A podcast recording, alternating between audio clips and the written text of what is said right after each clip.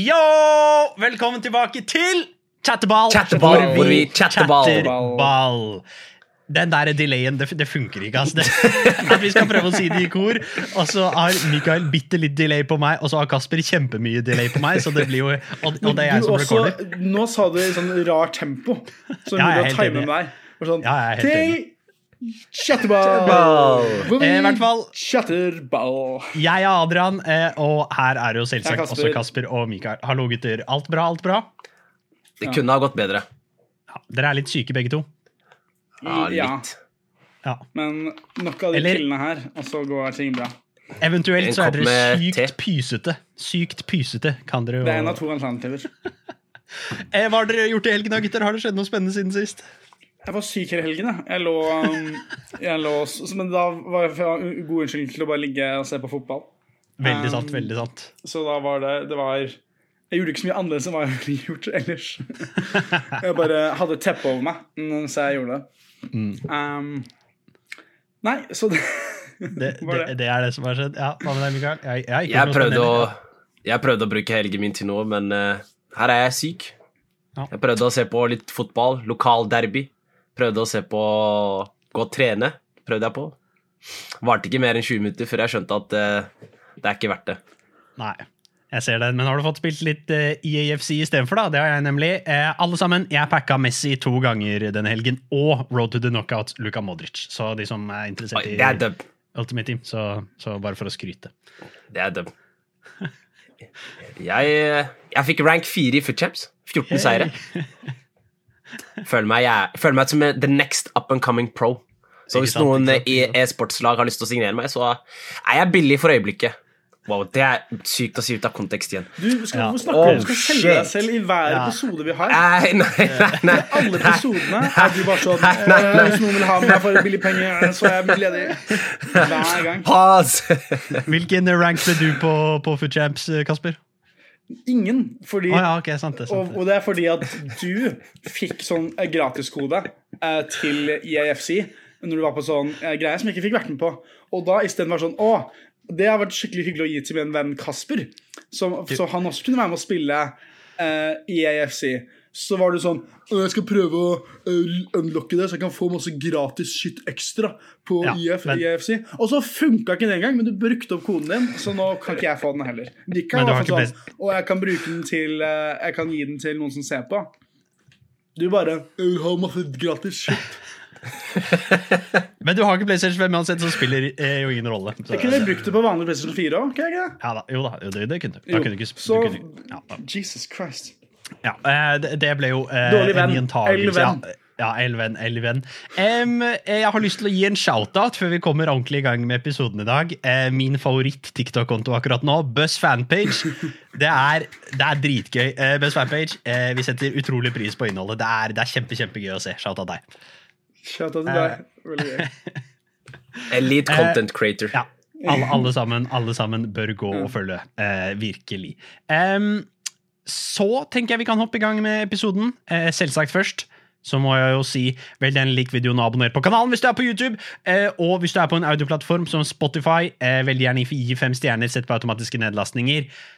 Og eh, husk å følge også. Um, og også sjekk ut de andre plattformene og andre sosiale medier og sånt. Uh, alt er linket. Um, skal vi starte med eh, toppkampen i Premier League? Arsenal-Man City 1-0 til The Gunners. Personlig var jeg litt overraska over det. ass. Eh, jeg trodde hvis noe skulle City vinne, men, eh, men det er et stort resultat for Arsenal der. Vi alle spådde vel at vi trodde at City skulle vinne. Ja. Når vi snakket om det her på torsdag. Um, men nei, kjempekamp av eh, Kjempekamp er feil å si. Det var en veldig kjedelig kamp. Sånn sett, det. ja. Det var um, to lag som måtte klarte å nulle ut hverandre. Som er jo bra, det, taktisk. Men de to av de morsomste lagene å se på spille, så var det de kjedeligste lagene å se på spille mot hverandre. ja, det ender opp med å bli liksom en sånn taktisk greie istedenfor en underholdende greie. Så vi, vi, hvis man er supernerd da, eh, og gidder, så kan man jo prøve å se på det som en taktisk underholdende kamp, men, men det, er, det hadde vært morsommere hvis det var litt mer action. liksom. Men, eh, men det er jo liksom noen ting man kan ta med seg fra kampen nå, da, selv om det ikke var liksom full fart. Jo, jo, jeg vil- jo sånn Jeg, jeg følte ikke at noen av lagene Det lukta veldig 0-0 av kampen. For meg. Det var eh, Jeg tenkte når jeg så den, at her kommer City til å dra et eller annet mål. De kommer til å putte inn på en eller annen spiller. de kommer, kommer til å, de kommer til å få en eller annen, sånn, en eller annen scoring, for de alltid gjør det, på en måte. Um, men um, Nei, det var um, Det var bra av Arsenal, som alltid slipper inn mål på hjemmebane og aldri slår City, så klarte å begge, stoppe begge de trendene. Eh, Så sånn sett, eh, bra av dem. Jeg syns William Saliba hadde en kjempekamp mot Haaland og var veldig, veldig god. Eh, Jeg syns Martinelli var veldig god når han kom inn eh, på benken.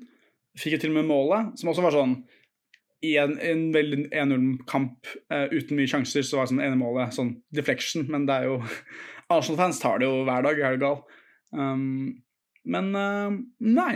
Syns det var uh, det, det er spennende på konsekvensene denne kampen får videre i sesongen.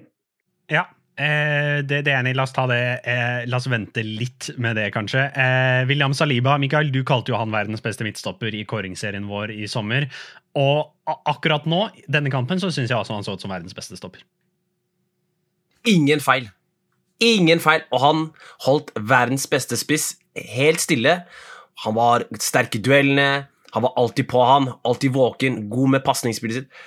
Han har alt det man ønsker i den moderne midtstopperen, og nå viser han det fram på det øverste nivået som det er overhodet mulig. Jeg, jeg digger Ja. han, jeg digger han absolutt, og eh, jeg syns ikke det var sykt å melde at han var verdens bes- beste. Syns ikke det er like sykt fortsatt. Nei, nå, nå kan jeg være tilbøyelig til å være enig. Eh, hva ville du gjort annerledes med Erling Haaland for å få han til å være Ja, mer effektiv i den kampen her, Mikael? okay, for de av dere som ikke forstår Siden Erling Haaland han gjorde ingenting som midtspiss denne kampen her. Så jeg, som den indre ta som den taktikoen jeg er, jeg tenkte hvorfor ikke sette han ut på kanten, der han har mer plass, mer rom til å kunne løpe i bakrom. Hvorfor ikke? Jeg vet det høres sykt ut, men hvis du har verdens beste spiss, så må du gi han mulighetene eller rammene for å kunne ut utøve det best mulig. Men mener du at han bør bare flytte seg ut på kanten sammen med en av de andre kantspillerne, eller bør han bytte posisjon med liksom Doku? Hva, var, hva Mener du at han burde spilt wing? Han kunne ha gjort det. Men eh, jeg ville ikke ha gjort han sånn som en ordentlig ving. Ikke sånn som en ordentlig ving. Da hadde jeg vært mer sånn type Mandzukic pleide å være for uh, Juventus. Da han kom lenger innover, eller han var uh, sånn uh, innleggsspiss som du kunne legge inn på. Ja, jeg, jeg skrev dette Jeg vet det hørtes sykt ut. Ja, det, Dette er da altså noe Mikael sa på Twitter, og det jeg sa til deg er at eh, jeg syns det er veldig veldig eh, interessant å tenke at å flytte verdens beste målskårer lenger bort fra mål vil være effektivt. Jeg er enig med deg at han var ikke effektiv nok i denne kampen, men, men jeg tror fortsatt det er verdt å bare ha han i midten. da. Fordi, fordi det er der han er vant til å spille, det er der han er best, og det er der han kan utgjøre størst forskjell. Men jeg, jeg skjønner tanken din. da. Han har jo liksom eksplosiviteten og kan løpe med ball og kan skyte hardt fra holdet og sånn, så han hadde sikkert vært ganske god. Hvis han aldri kunne spille midtspiss igjen, så hadde han sikkert vært en OK innoverkant på høyresiden, men jeg tror han er en veldig mye bedre midtspiss enn høyrekant, yeah. personlig. Altså, og City har så mange gode vinger som er både gode til alle jobbene en ving skal gjøre, at, eh, og de har ikke så mange gode spisser eh, på den måten. Så eh, det, Jeg skjønner hva du prøver å si, men uh, nei. Men eh, selv om han ikke var så effektiv med ball eller ikke fikk noen skudd, eller noe sånt, så er han fortsatt utrolig viktig å ha som midtspiss, fordi all oppmerksomheten på hvert fall én av stopperne er på han. Så det burde i teorien lage mer rom til de andre, men det ble ikke utnyttet eh, best mulig. Nei, for, for all del. Og eh, jeg håper litt, fordi det var etter kampen så eh, havnet han i munnhuggeri. Der brukte jeg et sånt ord som fotballjournalister pleier å bruke. Jeg har aldri sagt det før, tror jeg, men jeg føler at Bare for å vise at du også kan bli Ja, fotballjournalist. eh, ba- ba- bare for å liksom brife litt. Jeg hadde havnet i munnhuggeri med noen fra Arsenal-benken etter kampen, så det ut som. Eh, Fikk dere med dere det, liksom når de gikk av banen? Mm. Um, så jeg håper jo at han eh, blir litt sånn Michael Jordan eh, nå. Eh, De, de der, dere som har sett The Last Dance-dokumentaren på Netflix, eh, så sier Michael Jordan hele tiden eh, And I took that personally. Jeg håper at Erling tar det her personlig, at han liksom nå har lyst til å bevise, eh, bare minne folk på hvem han er, og skårer åtte mål mot Kypros og hat trick mot eh, Spania. Det er det jeg håper Erling tar ut fra den eh, kampen her. Eh, og så fløy han vanlig fly til Kypros. Han fløy ikke privatfly, så dere det? Humble King. We, stand a humble king. Um, jeg tror det var det som skjedde, i hvert fall. Jeg, jeg, jeg, jeg, jeg, jeg, jeg, jeg kan ikke å lese artikkelen, Nytt som Pep Guardiola-øyeblikk også, når han ble spurt om den hongemengen uh, mellom, mellom Arsenal og City. At han var sånn jeg, ikke, jeg vet hva som skjedde, men jeg vil ikke kommentere på det. Så sånn, ok, hvordan, Er du fornøyd med hvordan Arsenal-benken eh, oppførte seg? Var sånn Veldig. Jeg elsket det. Perfekt. Oppførte seg perfekt. Ja. Um, det var litt, eh, når du nevner Guardiola, det var en litt interessant duell mellom Guardiola og Arteta. Jeg vil si Arteta vant den her. Begge to mangla en spiller. Jeg tok feil. Ostesmørbrød uten ost er bedre enn biff uten ertestuing, viste det seg. De av dere som hørte forrige episode, vet hva jeg mener. Um, eh, Arsenal klarte seg fint uten Saka. Um, og eh, det, det, Hovedgrunnen til at jeg sier at Arteta vant den interne kampen, er fordi det var jo de tre byttene hans som gjorde målet. Det var eh, Tomiyasu til Havertz og så Havertz til Martinelli som skårte. Så, så det var riktige bytter, eh, syns jeg. Eh, nå har vi utsatt det her ganske lenge. Skal vi bare nevne Matteo Kovacic kjapt? Eh, Det har blitt litt kjedelig å prate om dommere i det siste, syns jeg, men eh, det her eh, Rekk opp hånda de som syns at eh, Matteo Kovacic burde blitt utvist i løpet av den kampen her. Dere som ser Dere- på, japer det, rekker opp hånda også. Ja. Ja, og Ja. alle på audioplattformer. hvis du står på bussen eller, går eller sitter hjemme, hvis du hører på, rekk opp hånda hvis du mener at ja, det er Dere som ikke ser på videoen, nå rakk alle vi tre opp hånda, bare så hvis Ja. det ikke var tydelig. Um, den Syns første begge situasjonene var rødt? Nei, nei. Uh, Jeg ble litt sånn revet med i øyeblikket og tenkte For den første, der kunne han veldig lett fått rødt kort. Når han takler Martin Ødegaard, han er på stamfoten hans. Eh, og treffer han i ankelen med, med, Ja. med strak fot, på en måte. Ja, ja. Eller, eller liksom at han har hele knottene viser frem. Eh, det blir bare gult kort. Det syns jeg veldig lett kunne vært rødt. Eh, men den andre, der, Det er der ble det er gult. Han burde fått et Mm. gult kort til rett etterpå når han takler Declan Rice. Det, det i seg selv er ikke rødt kort, selv om jeg i øyeblikket så føltes det sånn hva, Han kunne vært utvist for det nå, føltes det litt som da, men det var bare liksom the accumulative effect av alle de situasjonene. Det, det er en sånn takling som hvor stillbildet kan se dårlig ut, men taklingen syns jeg ikke var så stygg. Jeg syns, den første var klart rødt kort. Det første taklingen hadde. Uh, og jeg syns det er rart at at det ikke ble sett på. Jeg syns det er mer rødt kort enn det Curtin Jones røde kortet. og jeg syns også det var rødt kort. Ja. Um, men det andre syns jeg, jeg ikke er rødt kort. Jeg syns det er et gult et, men um, det, jeg syns ikke det i seg selv var ikke et rødt et. Og da kan det ikke Da kan ikke VAR gå inn. Og jeg tror at grunnen til ikke fikk rødt kort, er fordi at dommere i sånne kamper vil ikke sende av folk så tidlig i kamper. Men kom igjen. Det er Dommere pleier, do, dommere pleier ofte å prate om game management, og, og Mm. det dommeren, i hvert fall i England, føler jeg, eh, det dommeren vil, er å kontrollere kampen, men sørge for at kampen får gå sin gang, på en måte. Ja. Og, og, og derfor vil ikke dommeren påvirke kampen for mye. Jeg vet at noen anklager dommere for å være oppmerksomhetssyke, men i hvert fall ikke Michael Oliver. Synes ikke jeg personlig fremstår som en sånn fyr. Eh, men, men det jeg tror var tanken til Michael Oliver når han ga gult kort først, var bare at jeg har ikke lyst til at det skal bli rødt kort nå. Eh, og, og, og jeg skjønner at dommerne tenker sånn, men eh, det var en stygg nok takling til at VAR kunne gått inn og sagt at det var rødt. Jeg tror at det som gjorde at det ikke ble omgjort, var fordi han var nå gjør jeg anførselstegn, at han var relativt lavt nede. At liksom treffpunktet på Ødegaard ikke er så høyt oppe. Det er det, det, er det eneste jeg kan se Altså, jeg syns ikke det, men det er det eneste jeg kan se for meg at det er et argument for at det ikke er rødt kort. Liksom. Det, det er ingen andre ting jeg kan skjønne hva man tenker. Kanskje lav fart. Er det nå? Rødt kort, Mikael. Er du enig? Han burde, ha, han burde ikke ha spilt andre gang Han burde ikke ha vært på banen etter hva var det, 30 minutter eller 35 minutter. Mm. Altså, det første er soleklart rødt, syns jeg, uansett.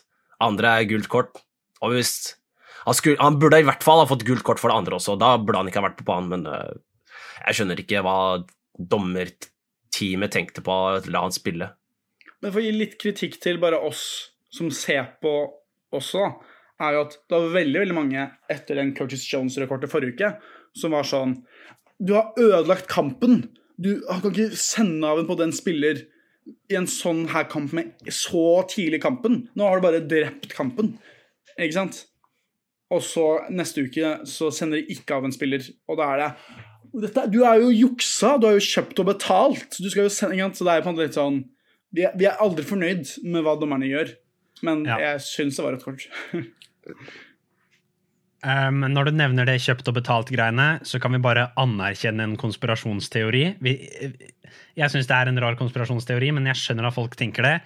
At Michael Oliver har vært i Abu Dhabi og dømt fotballkamper når Abu Dhabi eier Manchester City. At han liksom har fått betalt direkte fra styret i Abu Dhabi for å komme dit og jobbe. Jeg skjønner at det kan se rart ut. Jeg syns ikke at Premier League-dommere burde få lov til å jobbe for andre organisasjoner. Det syns jeg egentlig burde vært en regel, at de ikke har lov å gå og gjøre private oppdrag for f.eks. den emiratiske eller saudiarabiske ligaen. Der syns jeg at man må, må velge. Hvis man har lyst til å være Premier League-dommer, så må man være Premier League-dommer. Det syns jeg. Men jeg, jeg tror ikke at Michael Oliver er en del av en konspirasjon.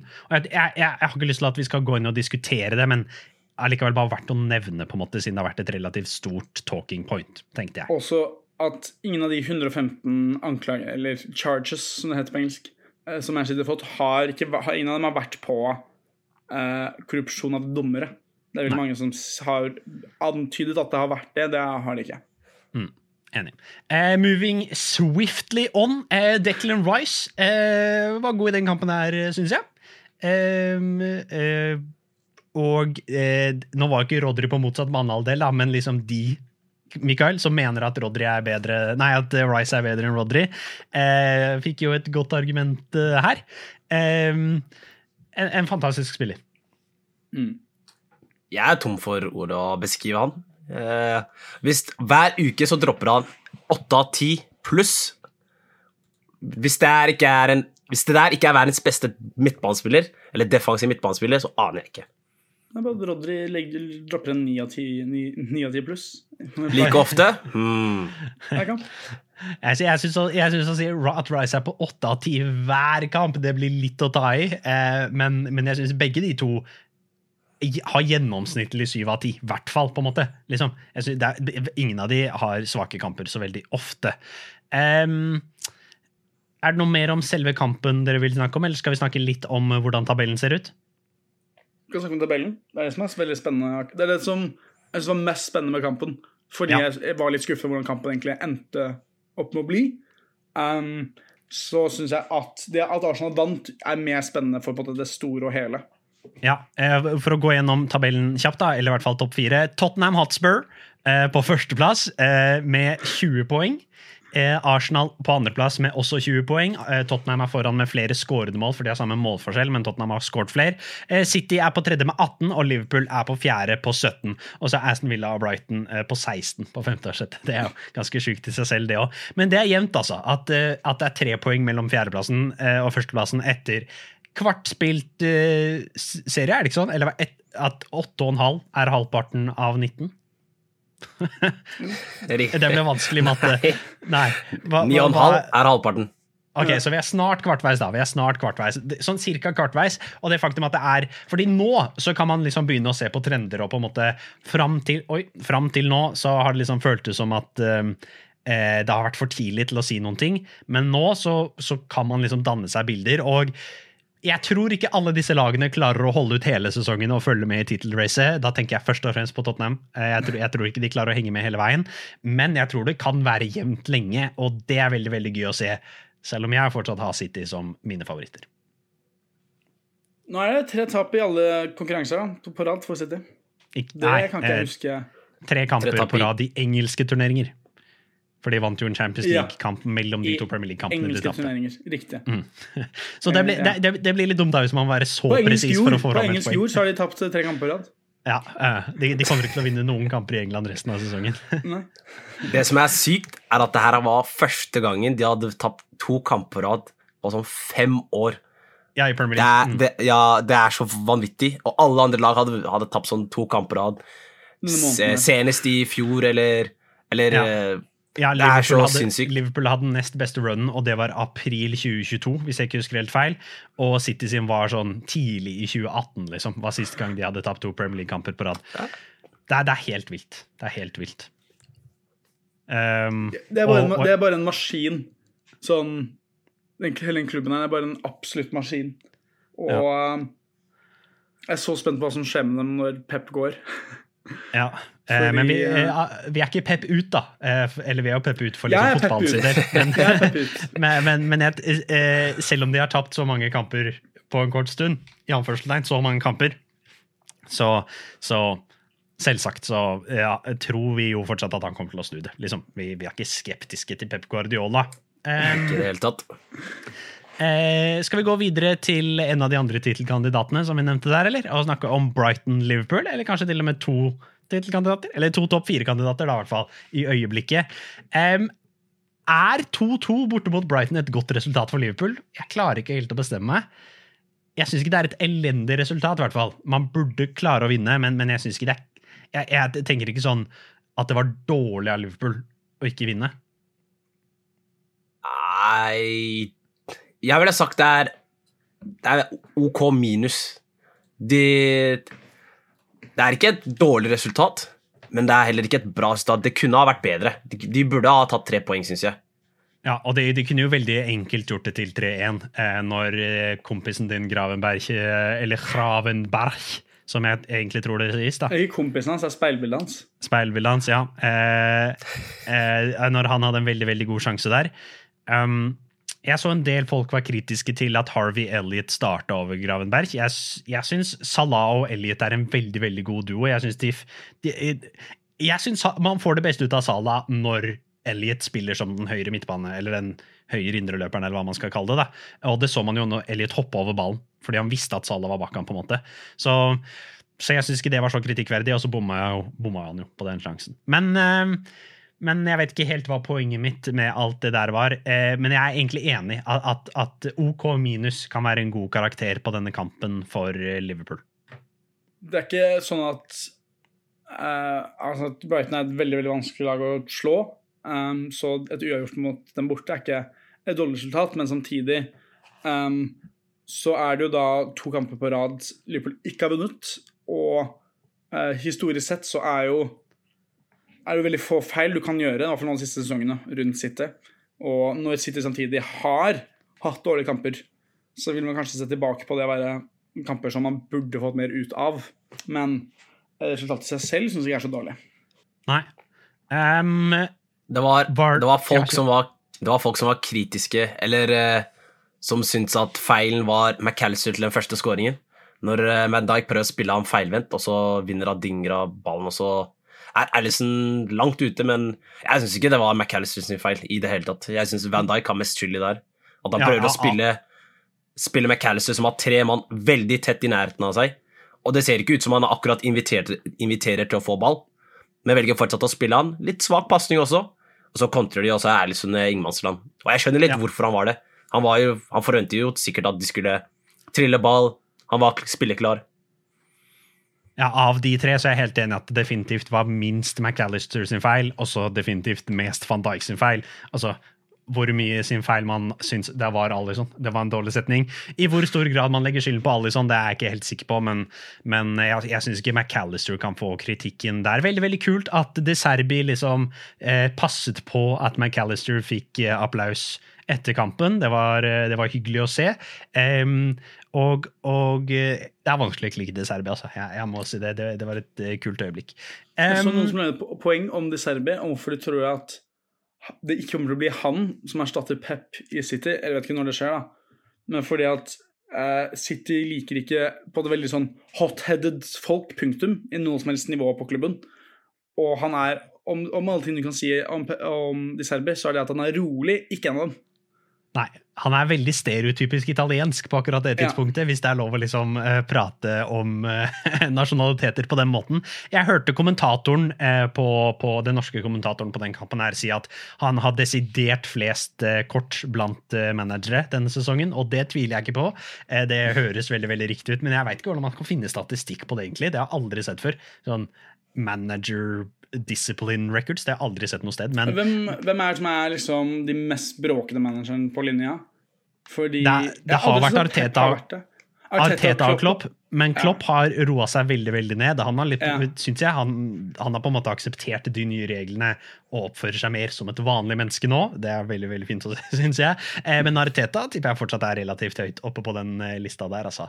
Em, det andre målet til Brighton, det frisparket til Solly Marsh, er så perfekt. Akkurat så hardt det skal være i akkurat den korridoren rett foran mål der. Man kan ikke klage på å slippe inn et sånt mål, på en måte, fordi det er på en dødball. Å slippe inn mål på dødball kan skje, og i hvert fall når det er en, en Den beste dødballen man kan slå i den situasjonen, er det Solly Marcher. Så, så å slippe det målet, det, det er jo kjedelig, men, men, men det er først og fremst imponerende, egentlig, for min del, av Solly March å slå den ballen der. Utrolig Nest- perfekt.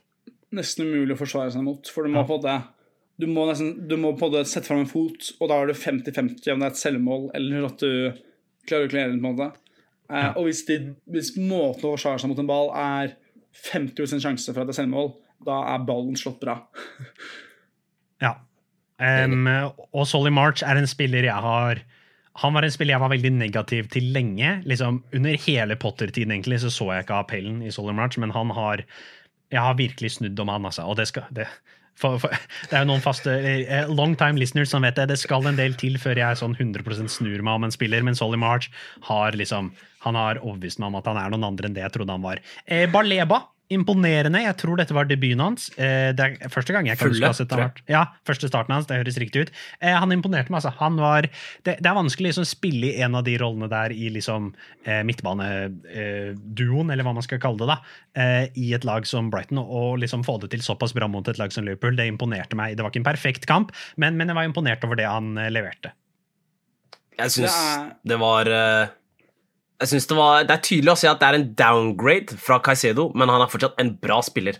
Han er ikke samme spilletype, men jeg ser absolutt verdien han kommer til å ha i fremtiden. Det kommer til å være 80 pluss millioner i, i fremtiden. Det er jo alle, alle, Alle Brighton. alle Brighton-spillere, da. Um, jeg sy- jeg, jeg syns den evnen Brighton har til å finne talenter fra bare hvor som helst og bare putte inn i laget, er utrolig imponerende. Men samtidig Det er også hvorfor jeg tror de ikke kommer til å vinne ligaen eller komme utfordret til Champions League. I lang sikt er det at de um, de, har- de har på en måte Det er en klubb hvor du har tid til å gjøre feil, ikke sant? Grunnen til at som ikke Liverpool eller Arsenal eller United for den skyld kan slenge inn bare masse 18-åringer fra Sør-Amerika, er fordi at du må få det, det er forventninger om du skal være på det nivået med en gang, da, og presset blir så stort med en eneste gang du spiller for en av de klubbene. Mens for Brighton så er det, på sånn, det er litt mer lov å gjøre feil, det er litt mer sånn Du har litt mer Du har litt bedre tid og min, et mindre fokus på deg. Eh, men det er en, de er så gode nå på å utvikle talenter. Um, at det er, ja. Det er, helt, det er helt utrolig. De klarer å maksimere den, um, den businessmodellen der til det beste. 100 Nå endte vi opp med å bruke nesten like lang tid på den kampen som på den første kampen. Det var jo det var jo ikke nødvendig, egentlig. Eh, Vi går videre tenker jeg, til Westham United mot Newcastle United. Um, eh, som jeg har valgt å kalle i notatene her The Players Channel Derby. Eh, The Players Channel er da altså den podkasten som Callum Wilson og Michael Antonio er en del av. Eh, men Wilson spilte vel ikke, gjorde han det? Eh, eller jeg tror? Jeg tror ikke det. Um, jo, han kom inn etter 86 minutter. Um, men eh, men dette, denne kampen gikk jo samtidig som Liverpool-Brighton, så jeg så først og fremst på Liverpool-Brighton. Men, men eh, det jeg har sett, og det, det jeg så etterpå, eh, virket som en morsom kamp. Er det ett lag som overpresterer, og ett lag som underpresterer? Det føler jeg litt at Westham overpresterer denne sesongen, og Newcastle underpresterer litt, grann, i hvert fall i Premier League. Ja, Ja. Jeg, ser, jeg ser hva du mener. Men det, det, er for, det er mer forståelig når Newcastle spiller i Champions League også. De har flere kamper sånn sett. Men mm. det, er, det er ikke noe å legge skjul på at Westham har starta vesentlig bedre i år enn det de gjorde i fjor. Ja, virkelig. Eh, Det er kanskje den største L-en eh, foreløpig fra eh, spådommen vår før sesongen. var Både du og jeg hadde Westham kjempelavt, hadde vi ikke det, Kasper? Jo, Eh. altså, så vidt. Men det skal sies at når vi hadde den spådommen, så ryktene rundt De hadde ikke signert en eneste spiller ennå. Og ryktene rundt klubben var at Moyes kom til å gå Ja. før sesongstart, sånn som uh, Lupetegu. Um, så uh, i kontekst fra når det skjedde, så er det ikke en horribel respons. Men jeg syns at um, Westham har klart å få en skikkelig bra stall. Jeg syns de klarer på en måte å ha mye bra de kan hente ut fra benken. Altså Mohammed Kudos kommer nå inn fra benken og skårer et Flott mål. Han er en Eh, klassespiller, rett og slett. Han, mm. han er Det er ikke mange Jeg lag har han vært ikke litt kunne spille skuffa over han starten hans i Westham, men jeg absolutt tror fortsatt han kan bli At han kan vokse til å bli en, en starter og en nøkkelspiller for den klubben. Men um, nei, det er, uh, det er en dybde de begynner å få der, av kvalitet, uh, som ser veldig bra ut. De så bare så horribelt svake ut forrige sesong. Ja. At det var liksom sånn um, At Nei, men, men egentlig, egentlig, de siste, egentlig de siste fire årene så er det kun i, i fjor som var på et mørkt år, men det har holdt seg på et høyt nivå lenge nå, altså. Og Ja. de ser ikke ut til å savne Rice. Det ser mer ut som at de penga de fikk for han, har de klart å bruke veldig godt. Eh, Socek med en elendig feiring. Når Socek skårte, så feira han som en Han feira både som eh, Alan Shearer og som en åtteåring samtidig. på en måte. Det var én av ti feiring. Helt elendig feiring fra Thomas Socek. Um, Alexander Isak var god, også som du sier, Kasper. Kudus kommer inn og, og eh, avgjør eh, på slutten. Fantastisk assist av Trippier for øvrig på den andre scoring til Isak. Tar den på første touch rett foran kassa. Litt heldig kanskje at Isak treffer. Det virker ikke er- som Isak er god nå. altså Hvor mange mål er det han har fem. i Er det fem mål han har denne sesongen her? Seks mål. Seks mål han. Tredjeplass på toppskårerlista. Bare sånn og Haaland vår. mer. Er ikke, er ikke Han kan, kan dra seg med et lite race han altså, i løpet av sesongen på toppskårer, eh, om toppskårertittelen. Definitivt. Eh, videre til eh, klubben din, Kasper. Endelig en seier for Manchester United! Gratulerer, gratulerer. Og i tillegg en kamp hvor det virkelig viste hvor gode de var. Nei da, de slår Brentford 2-1, men de var ræva. Det var, United var dårlig den kampen her òg, altså. Fy Ja, søren. kan vi, kan vi ikke snakke om det? Fordi at sånn Når vi taper, så må jeg komme her og så må jeg snakke om alt vi gjør dårlig. Og nå har vi vunnet en kamp. Kan jeg bare sånn Kan jeg bare Ta det nyte positive. Kan jeg bare, kan jeg bare snakke om det positive? Scott, ja, hvem, enn som sa at Scott McTominay var en sekser, er det dummeste versmannen i universet. Han er en goalgetter. Han er en kjempe han er en en leader. Han er nydelig i boksen, både for Skottland og nå også United. Kjempebra i boksen. Han kan ikke sentre for, for livet sitt, men han er nydelig. Jeg tror han hadde fire touchene på ballen. To av dem var skåringer. Eh, han, han også hadde en, det som ble offside, men ble en skåring rett før eh, over, til, over tilleggstiden. Nydelig. Nydelig skott. Veldig Også eh, litt sånn, for å bli litt mer sentimental eh, Etter denne nyheten om uh, Cathy Ferguson uh, gikk bort, kona til Sir Alex Ferguson, at en skotte kommer inn og skårer to mål i Fergie-time. Uh, en spiller som Sir Alex Ferguson også hadde veldig tro på, men når han var i akademiet, er jo veldig romantisk på veldig mange måter. Og, Mm, Fint øyeblikk. og jeg syns det er et lite øyeblikk. Unnskyld. Oh, ja, nei, et, et fint øyeblikk, sa jeg. Et fint øyeblikk, ja. Det var litt Um, dumt å avbryte deg midt i den tiraden. Nå har jeg avbrutt deg, da, så, Ja. så det var jo dårlig gjort. Men, men det var ikke meningen å avbryte deg. et utrolig adrenalinrush for febersyke Kasper den dagen. Eh, tenk så god Scott McTominay hadde vært hvis han spilte på 80-tallet. Det tenkte jeg på i den kampen her, At han er liksom litt sånn prehistorisk spiller. At han hadde vært sykt god eh, for et par tiår siden. Han er god nå, så det er ikke det mer, men, men spillestilen hans er litt sånn eh, gammeldags. Um, Det touchet han hadde før første målet, hvor, en sånn, hvor det kom en tur, og han sånn henter den veldig høyt oppe med foten. Jeg vet ikke om jeg, jeg, ikke om jeg har sett Jeg kan ikke komme, jeg kan ikke komme at jeg har sett noen gjøre det før. Det var sånn at du bare sånn drar opp foten bare sånn der, og så bare tar den med seg. Jeg vet ikke, jeg klarer ikke helt å beskrive det. Jeg synes det var det var en veldig morsom eh, Det var en morsom kamp. Men ja, eh, jeg, jeg husker ikke alle mine. vi er ikke kjempegode. Det er vi ikke. Nei.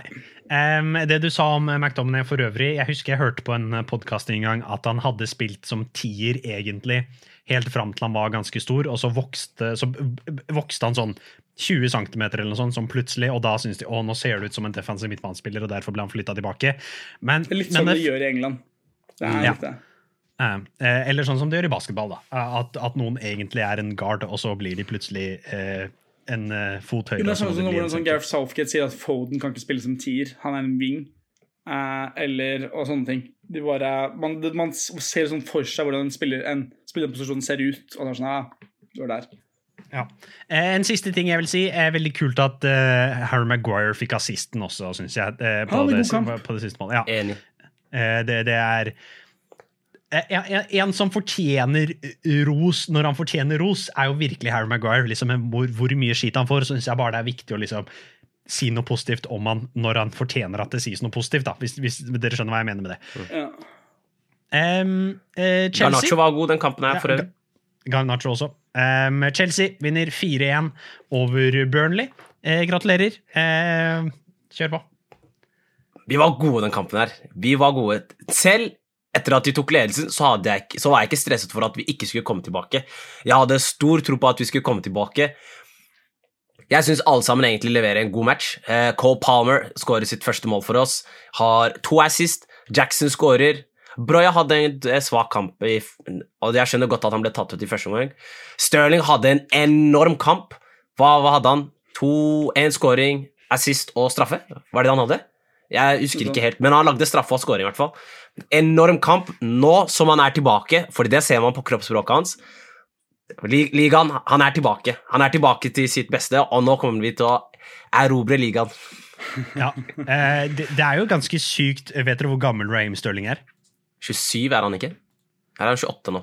Han er 28. Det er, det er så crazy, fordi det føles som han har holdt på så utrolig lenge. Og, og han er jo, spør du meg, den neste beste engelske spilleren siden 2010, på en måte, etter Harry Kane. Så for meg er Raheem Sterling nummer to. Eh, så, så en god Raheem Sterling er jo liksom det er en klassespiller, så hvis han kan komme seg til og med bare tilbake til næ i nærheten av det nivået han har vært mot tidligere, så, så kan han være liksom en nøkkelspiller i det Porcetino-laget her, virkelig. Um, og jeg digger å se han på venstrekanten. Det er der jeg foretrekker han personlig. Bra scoring med venstre, nå som du nevner det. Bare strak rist, bare pang, rett inn i lengste. Ah, jeg blir glad!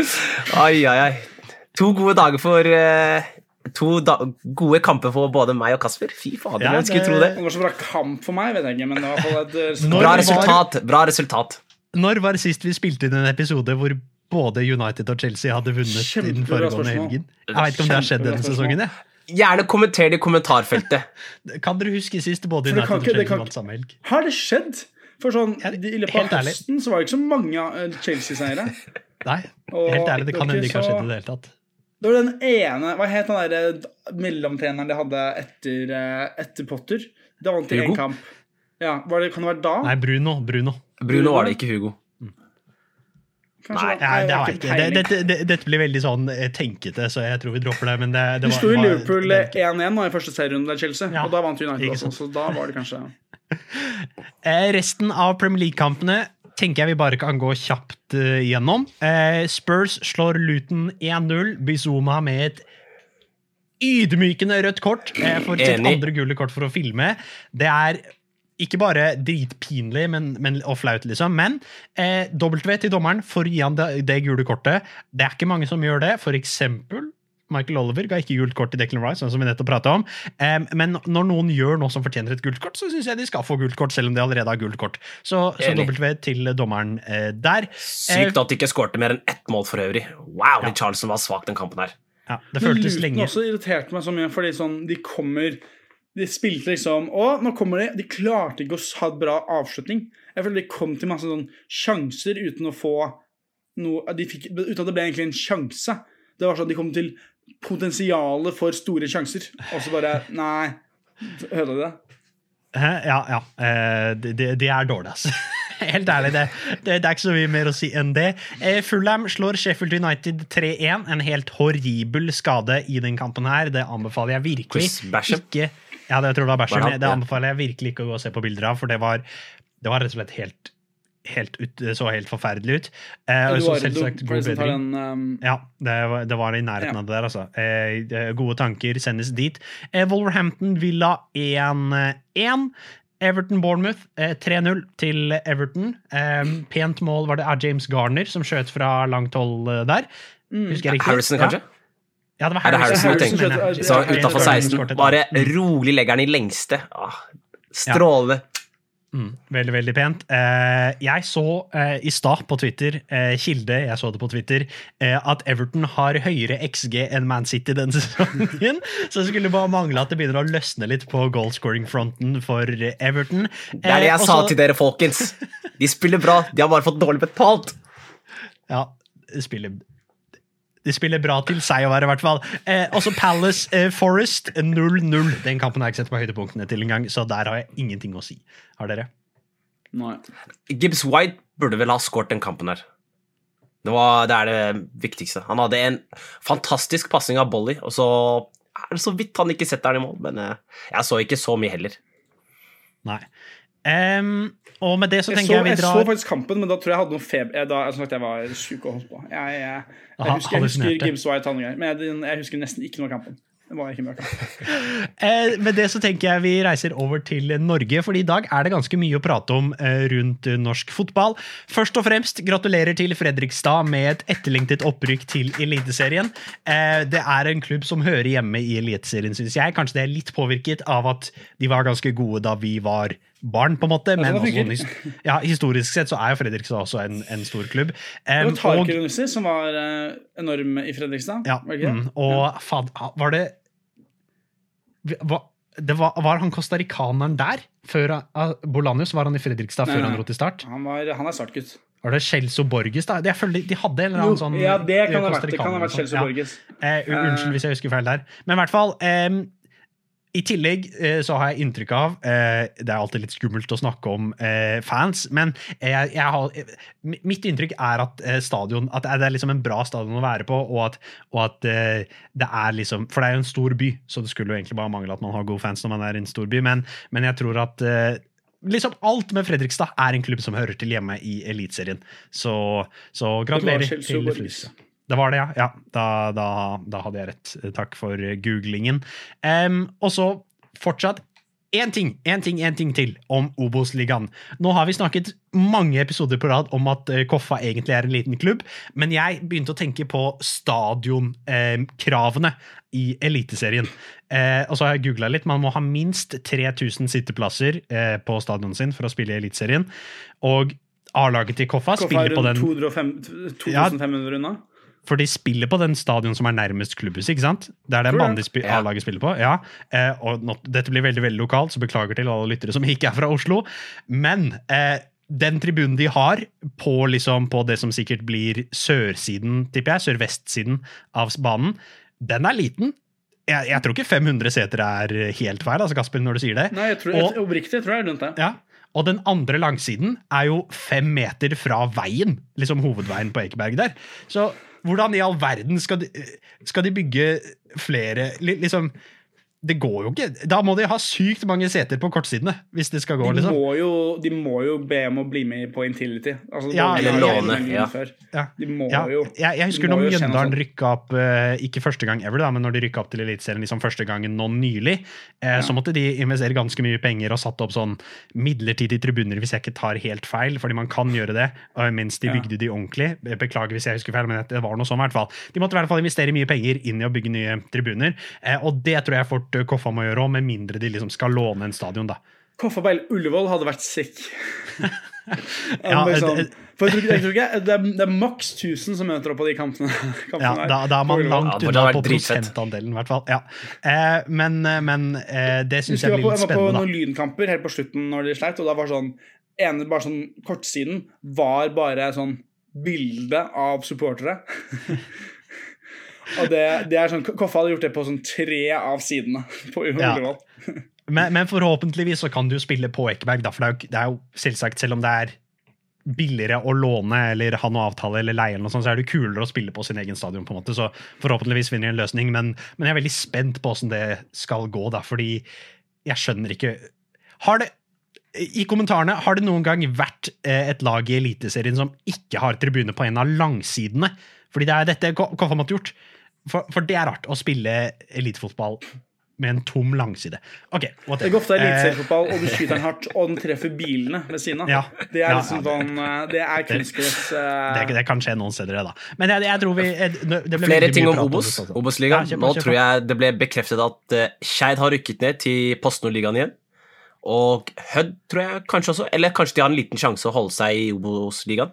Men Skeid er i hvert fall bekreftet. Ja. Eh, Follo opp, eh, Adrian. Det er, tror jeg var forrige uke, men uh, vi ikke snakket om det. Hva da, Follo rykka opp? Til andre divisjon, da. Ja. Ja. Ehm, Start slo Kongsvinger. Det var toppoppgjør i Obos. De tar Ja. det. Så- Skal vi ta mer uh, ligaer nedenunder? Jeg så på Kjelsås-Grorud. Der endte det 1-1. Å, shit! eh, Det hadde jeg ikke tenkt på at Kjelsås og Grorud var i samme divisjon. Det hadde ikke falt meg, men det gir jo Lokalderby. kjempemye mening, det. Ja. Det er Ja, lokalt derby. Det er, er det det mest lokalderby i hele Oslo? Det blir ikke mye mer lokalt enn det? Eller liksom Grorud-Skeid er kanskje nærmere, tror jeg. Ja, kanskje, kanskje, kanskje. Men i hvert fall, eh, det, er, det er mye kult som skjer er i bare divisjonene. sånn, finne ut av, hva er det mest lokale derbyet to toppklubber kan, kan spille mot hverandre? Ja, det er, det er jo ganske mange Det må jo bli noe i Oslo, da. Eh, eller kanskje i Bergen. det. Eh, hvor nærme er eh, er Åsane til Sotra? Ja, ja, jeg vet da faen. Jeg kan ingenting om Bergen. Jeg, jeg, vi, vi kan ikke prate om det. Jeg kan, jeg kan ingenting om Bergen. Eh, det eneste jeg vet, er at de krangler om den der trikken eller hva faen det er, om den skal gå på brygga eller ikke. Men Den den, diskusjonen- den diskusjonen dropper vi. Det er også veldig spennende i Eliteserien. Eh, Molde-Glimt blir 1-3, og for en for en kaosete kamp dette her var. Em, tre straffer som ble bomma på. Det er jo Eller husker jeg feil? Det var tre straffer, var det ikke det? Det er, det er ganske sjukt. em, og mye dårligere, dårlige straffer også. Mombania sin straffe var helt elendig. Eh, men Glimt eh, vinner da altså 3-1. Fortjent, vil jeg si. Enig. Eh, men Jeg si det er eh, også gøy at det ble så mange straffer i kampen, og um, Erlend Moe står bare og klager på straffer de ikke fikk etter kampen. Ja. ja. Eh, for de skulle, eh, de skulle, Christian Eriksen der skulle jo hatt en straffe til, definitivt. Eh, og jeg så noen poengtere det at hva er poenget med å ha VAR hvis VAR ikke tar situasjoner som den? For det var veldig tydelig holdning, Det syns eh, jeg. Men eh, nå har da altså Bodø-Glimt en trepoengs luke ned til Viking, fordi Viking spilte uavgjort botte Fader, Borte. borte, borte mot eh, Odd. Em, og eh, de, de fortjente ikke noe mer heller, syns jeg egentlig. Viking. Det var, det var liksom ikke sånn at, at eh, Odd stjal et resultat fra dem. Og, og det er jo dårlig når man er et lag som kjemper om tittelen, og ikke klarer å slå lag som ikke spiller for noen ting. Det syns jeg man burde, eh, altså for, for Viking del. Men nå, med seks kamper igjen, så så har jeg vanskelig å se for meg at Viking eller at Bodø-Glimt ikke vinner, på en måte, fordi de har erfaringen på en måte, og de har luka. Så, så jeg tror kanskje håpet begynner å gå ut for Viking nå, ass, for min del. Jeg har ikke sett på kampprogram, da. Kanskje Viking har veldig mye lettere kampprogram, men, Det men det, så jeg, jeg syns ikke det lover bra. Det glir så inn i squeaky bump time. Um, og det er lagene som har vært der oftest, som uh, ofte gjør det bra. Det er Ja. hvorfor City pleier å vinne title race. Det er hvorfor vi tror Bodø kommer til å vinne dette. Eh, også i toppen av tabellen, eller ett av disse lagene er i toppen av tabellen i hvert fall. Vålerenga slo Brann på Intility 2-1. Her har det også noen andre dommerting som kunne skjedd. Eh, Brann kunne hatt en straffe, f.eks., og det var to røde kort. Eh, Du mener vel at. Brann slo Vålerenga? Unnskyld meg. Ja, sorry, sa jeg feil? Mm. My bad. Brann slo Vålerenga på Intility. Det er my bad. Uh, Mathisen var veldig veldig god i den kampen, her, syns jeg. Um, uh, veldig god på ballen. Uh, og så syns jeg at det røde kortet til som sagt, det røde kortet til Bård Finne var ikke nødvendig. Um, og veldig klønete av Juklerud å få rødt kort etter tre minutter på banen, eller noe sånt. Um, Eh, også en annen kamp i toppen eh, var, var Tromsø, eh, som eh, tapte mot, mot Ålesund. Og det er dårlig, for Ålesund spiller jo bokstavelig talt for ingenting. Og Ålesund er jo et ordentlig skittent lag. Eh, så nå er eh, Tromsø bak Brann på tabellen. Så nå har jeg vanskelig å se for meg for at det blir noe medalje på Tromsø. Men som vi sa forrige uke eller uka før, eh, uansett hvor Tromsø ender på tabellen, så har det vært en god sesong for Tromsø. liksom. Det, Mm. det, det, men selv om det er skuffende å skli nedover på tabellen, så, så har det vært en god sesong. Og så er det jo selvsagt litt skummelt, da, for de kommer jo 100 sikkert til å miste en del spillere neste sesong. Så, så det, det, det, det kan bli vanskelig å liksom ha en like god sesong neste år, da, for Tromsøs del, men det blir jo veldig langt perspektiv, da. Um, skal vi snakke litt om bunnen av tabellen her òg? Det begynner å bli spennende der, altså. Ja. Eh, som nevnt, eh, Vålerenga tapte jo, så akkurat nå så er Vålerenga bare ett poeng foran Stabæk på playoff. Eh, det er ikke bra. Men det, det jeg helt ærlig syns er det viktigste å nevne her, det er at Rosenborg ballklubb er seks Nei, er, jo, er seks poeng foran eh, Stabæk på, på playoff-plassen. Så og, og eh, shit, jeg burde gjort dette i stad. La meg bare finne fram kampprogrammet til Rosenborg. Rosenborg skal spille mot Stabæk, mot Vålerenga og mot Sandefjord. Så de skal liksom spille mot lag helt nede der. Eh, og hvis man da ikke, hvis man dropper poeng i de, så er jo det krise. I tillegg skal de møte Molde og Viking, så de skal møte to veldig gode lag òg. Selvsagt det er helt sykt å si at det kan hende Rosenborg rykker ned, men både med hvordan de ser ut, um, og uh, hvor de er på tabellen, og med det kampprogrammet, så er det rett og slett en reell fare for at Rosenborg i hvert fall havner på playoff-plassen. Det, det, er ikke sjukt å si engang, liksom. Og, og det føles sjukt å si. At det ikke er sjukt å si. Mm. Jeg uh, har flere venner her i Trondheim fra Asker, og jeg skal på bortesvingen til Stabæk når de møter Rosenborg. uh, så da jeg, har vært, vært, på hjemmesvingen til Rosenborg mot uh, Ålesund, og nå skal jeg på bortesvingen mot Stabæk. Um, og da skal jeg selvfølgelig heie på at Rosenborg går ned. Men nei, det, det, det kan, Jeg kan ikke forestille meg at Rosenborg går ned. Det er så mange andre dårlige lag der, men ja. Nei, for en sjuk For en sjuk det hadde vært om det, ja. om det hadde blitt om, bare, det, bare, om det blir jevnt, hadde ja. vært sjukt. Mm. Hvis Stabæk vinner den kampen, og da, da tror jeg også Vålerenga bør begynne å føle seg stressa. Da bør ja, i hvert fall Sandefjord og Haugesund føle seg stressa. Kan, ja. Tenk hvis Vålerenga havner på 15. og Rosenborg på 14. på en måte. Det hadde vært liksom, Vålerenga rykker direkte ned, og, altså, og, jeg regner med Ålesund kommer helt på bunnen uansett. Men at Vålerenga rykker ned og Rosenborg på playoff, det hadde vært så crazy.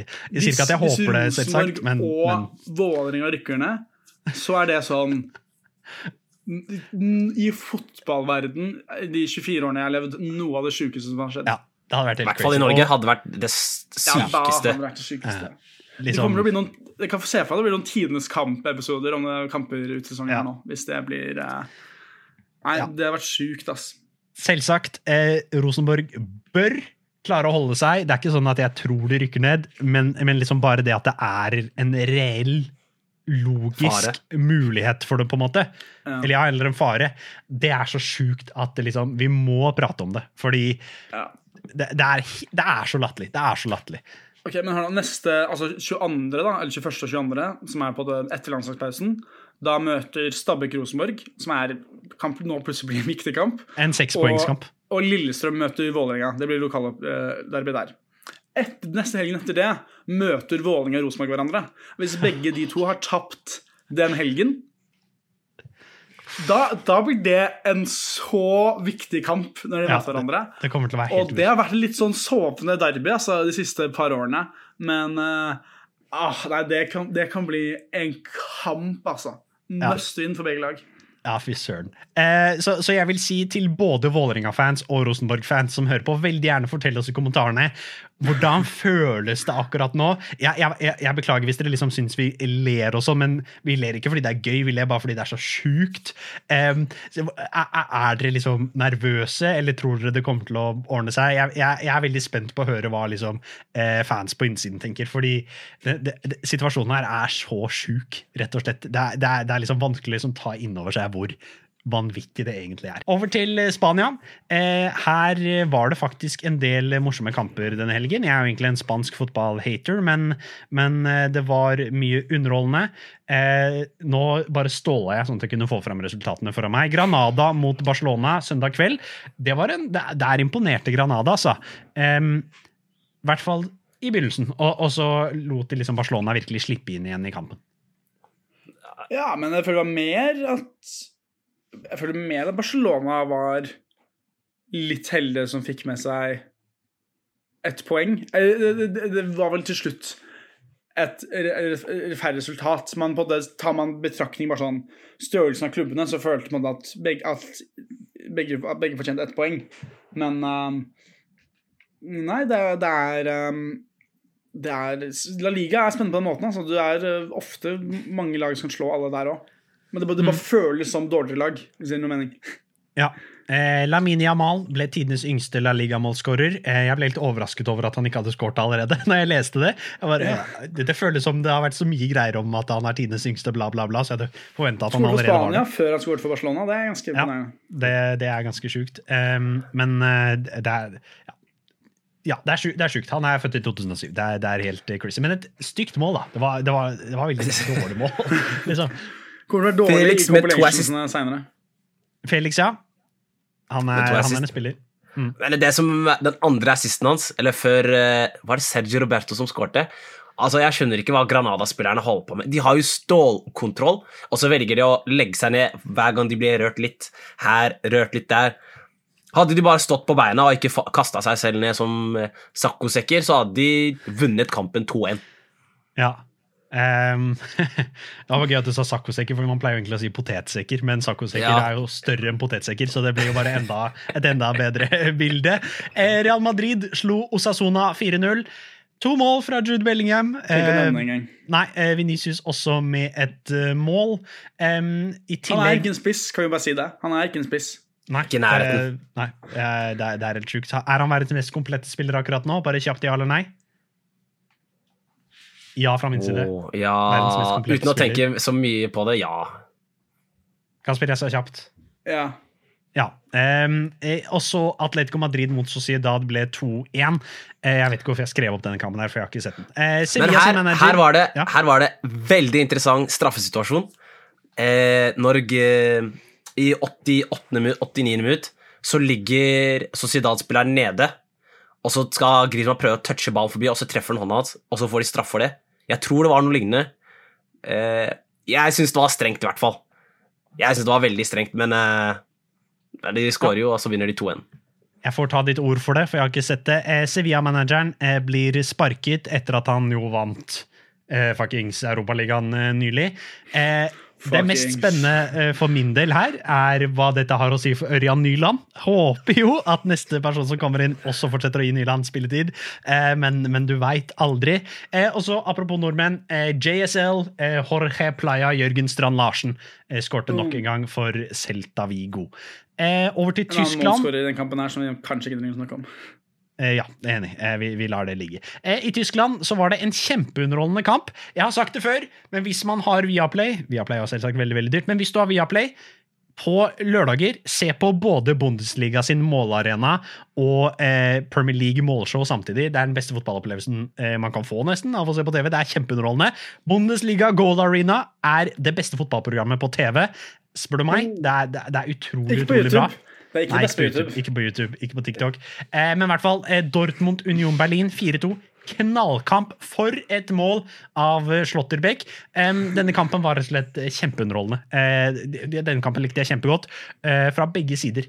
Eh, og, og Fyllkrug med et mål eh, og et selvmål, og det, det var kjempegøy. Det var kjempegøy. Rygersen skåret, gjør han ikke? Ja, på helmål. Ja, Strålende skåring for øvrig.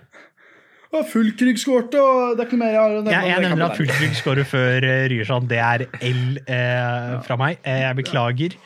Eh, I tillegg så var, spilte Bayern mot Freiburg og vant 3-0. Leverkusen spilte mot Köln og vant også 3-0. Leverkusen For leder en, fortsatt eh, ligaen i. For en match av eh, Leroy Sane. Han ser, han ser bedre ut enn det han noen gang har gjort. Spør du meg. Virkelig. Eh, han, han har ikke den samme farten og fysikken sånn totalt sett som han hadde før, men han er liksom en så mye mer komplett spiller nå. Og mye mer moden, føler jeg. Det gir jo mening, da, siden han er 28, og før var han yngre enn 28 Eller jeg vet ikke hvor gammel han er, da, men han er jo eldre nå enn han var før. Eh, så det gir jo mening at han er mer moden, men, men jeg er veldig veldig imponert over det han leverer om dagen. Um, I Italia um, En ting jeg har tenkt på, en ting jeg har tenkt på er at alle vi snakket om hvor gira vi var for Serie A-sesongen. Eh, vi sa liksom sånn, å, jeg gleder meg til AC Milan og sånn. Og jeg kan bare snakke for meg selv. Jeg har sett mye mindre Serie A denne sesongen enn det jeg hadde trodd jeg kom til å gjøre. Så, så jeg, jeg føler bare at jeg burde si det når jeg liksom var så gira før sesongen. Så burde jeg kanskje innrømme også at jeg har ikke vært så engasjert som jeg trodde jeg kom til å være. Så, så Jeg har sett litt. Ja. Ikke voldsomt, men jeg har sett litt. Jeg så Genoa AC Milan, så andre gang av det. Uh, For en avslutning på den kampen. Jepp. Uh, åh, Maina måtte gå av med hamstringskade, var det det? Ja. Og så Ja, måtte Giroud i mål. Inter Milan-kampen, for det var først. For det påvirker resultatet i den Arsenal-kampen. Fordi eh, Inter mista en 2-0-ledelse og til 2-2, og som var på toppen av tabellen. Som betyr at AS eh, AS Milan kunne komme på toppen av tabellen uh, når de spiller sin kamp. Mikael, fortell oss hva som skjedde i den kampen. I AC Milan-kampen, når ja. Giroud måtte gå i mål.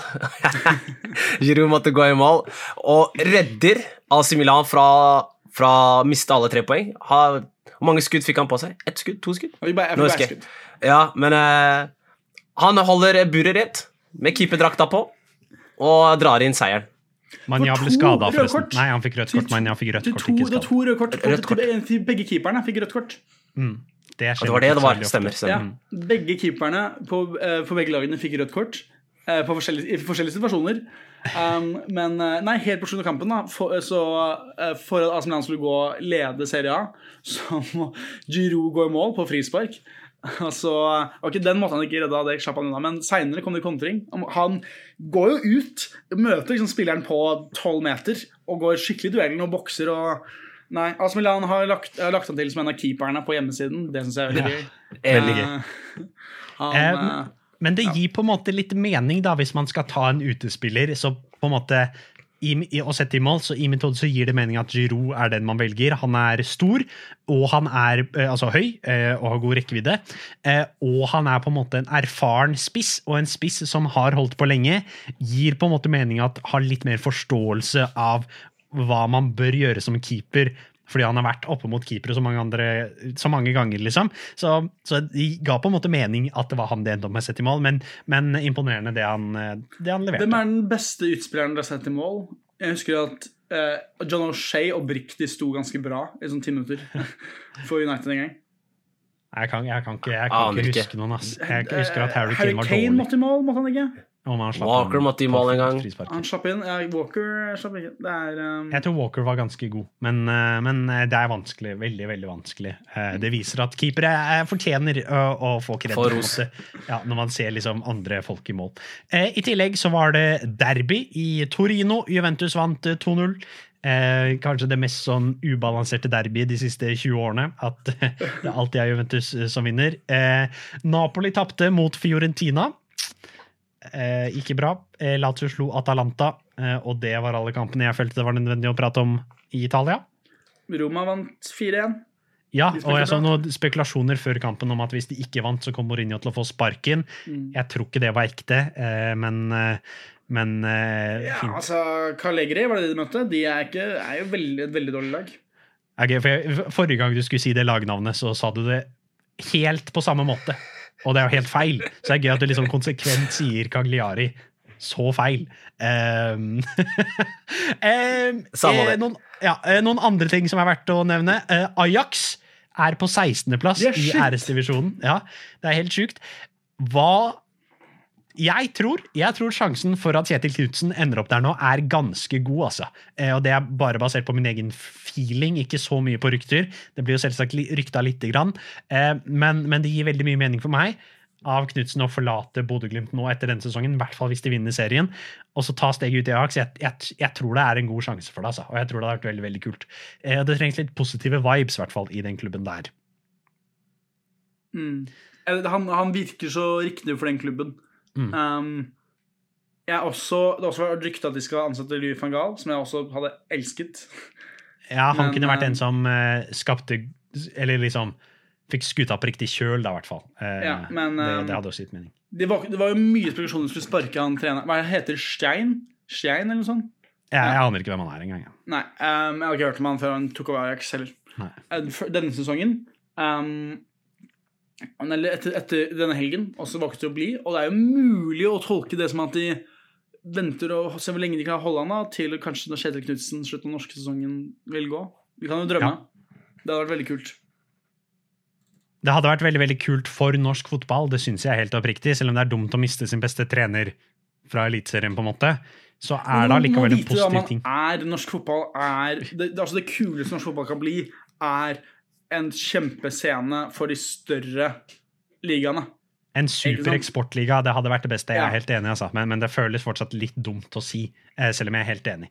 Um, eh, Jo, Kjetil da Knutsen sånn, Hvis vi blir sånn eh, som, på, på en måte sånn som Belgia også er, da. eh, hvor det blir sånn Du går dit for å gå videre.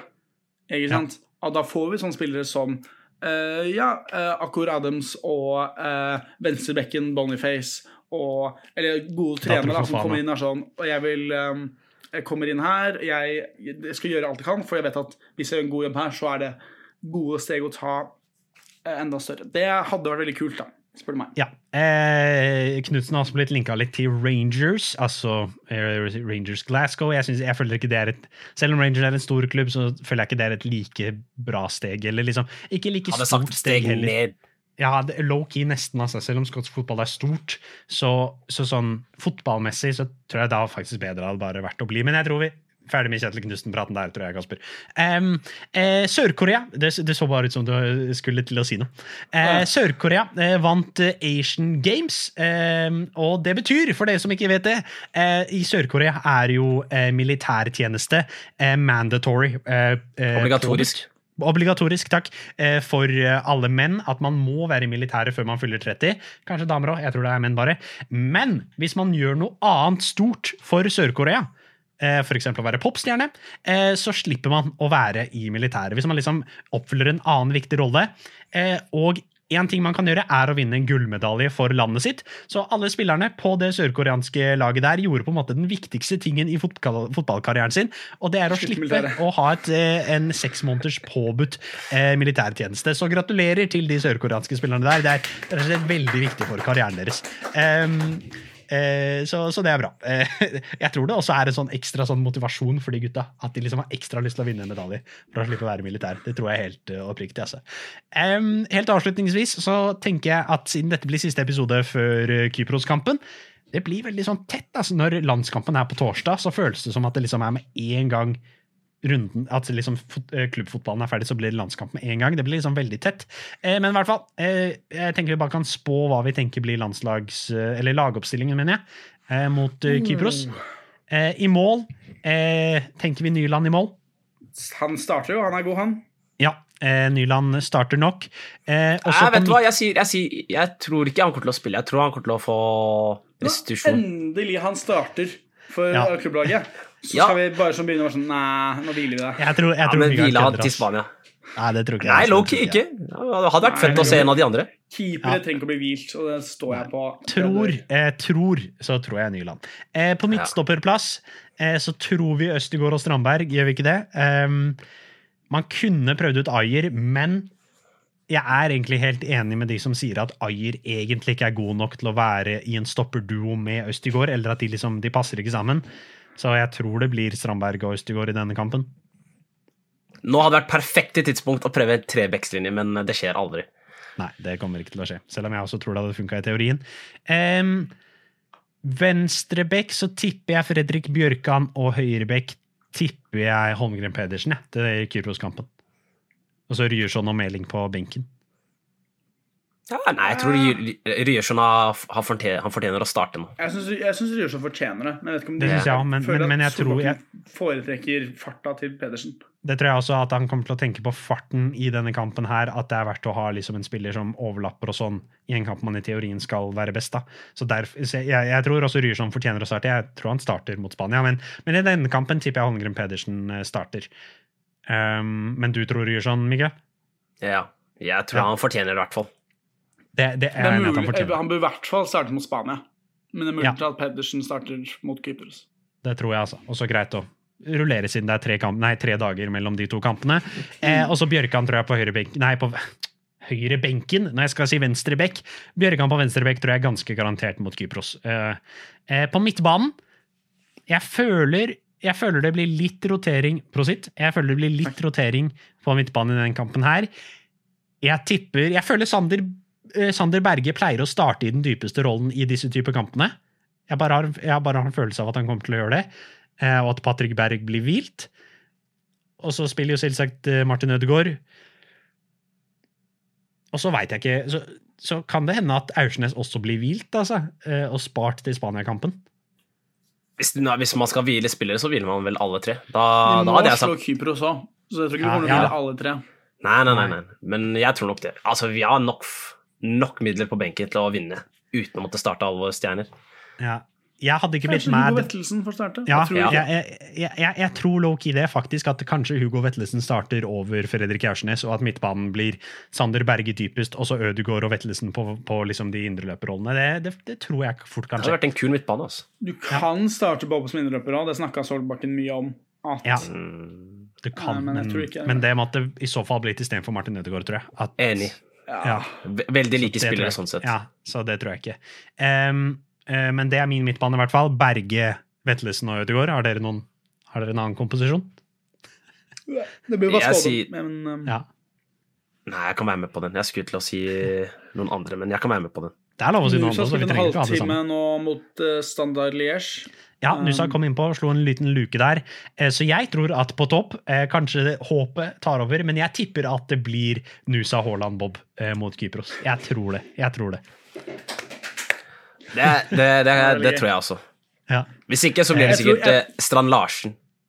Ja, jeg tror det blir uh, Ja, jeg tipper Bob starter. Jeg vet ikke om Nusa starter. Jeg tror Nei, um, faktisk kanskje Nusa sparer Siden han ikke Ja. er 100 så kanskje man sparer han og starter han mot Spania istedenfor. Men, jeg, men jeg, tror alle, jeg tror det blir de tre. Jeg, jeg, sier- jeg sier Osame, Larsen, Bob. At Haaland ikke starter? tror Haaland starter. Jeg tror Haaland starter, altså. Men ok, i hvert fall der har vi diskutert det litt. Grann, da. Vi trenger ikke å komme til en enighet, det er ikke så viktig. Men eh, der har vi diskutert det litt. Grann. Eh, og der tenker jeg vi er ferdige for i dag. Eh, dere har ikke noe, har ikke noe mer? Ikke noe mer å legge til. Nei, eh, da sier vi tusen takk for at dere har lyttet til denne episoden. Eh, det kommer episoder, kanskje de blir litt forskjøvet nå, at i hvert fall den kampen etter, nei, episoden etter Spania-kampen kommer på mandagen istedenfor tirsdagen. Men vi holder dere oppdatert på de andre sosiale kanalene våre, så husk å følge på Twitter og alt det der. og TikTok og bla bla bla. Eh, veldig gjerne eh, lik videoen og abonner på kanalen hvis du er på YouTube, og hvis du er på en audioplattform, gi gi fem stjerner. Bare gi fem stjerner, da. Gi Kom igjen. Ja, kom igjen, Sett på automatiske nedlastninger også, eh, og følg. Og sjekk ut alle andre sosiale plattformer. Eh, takk for praten, gutter. Eh, god bedring til dere begge. Takk. Tusen takk. Chattis! Chattis. Chattes.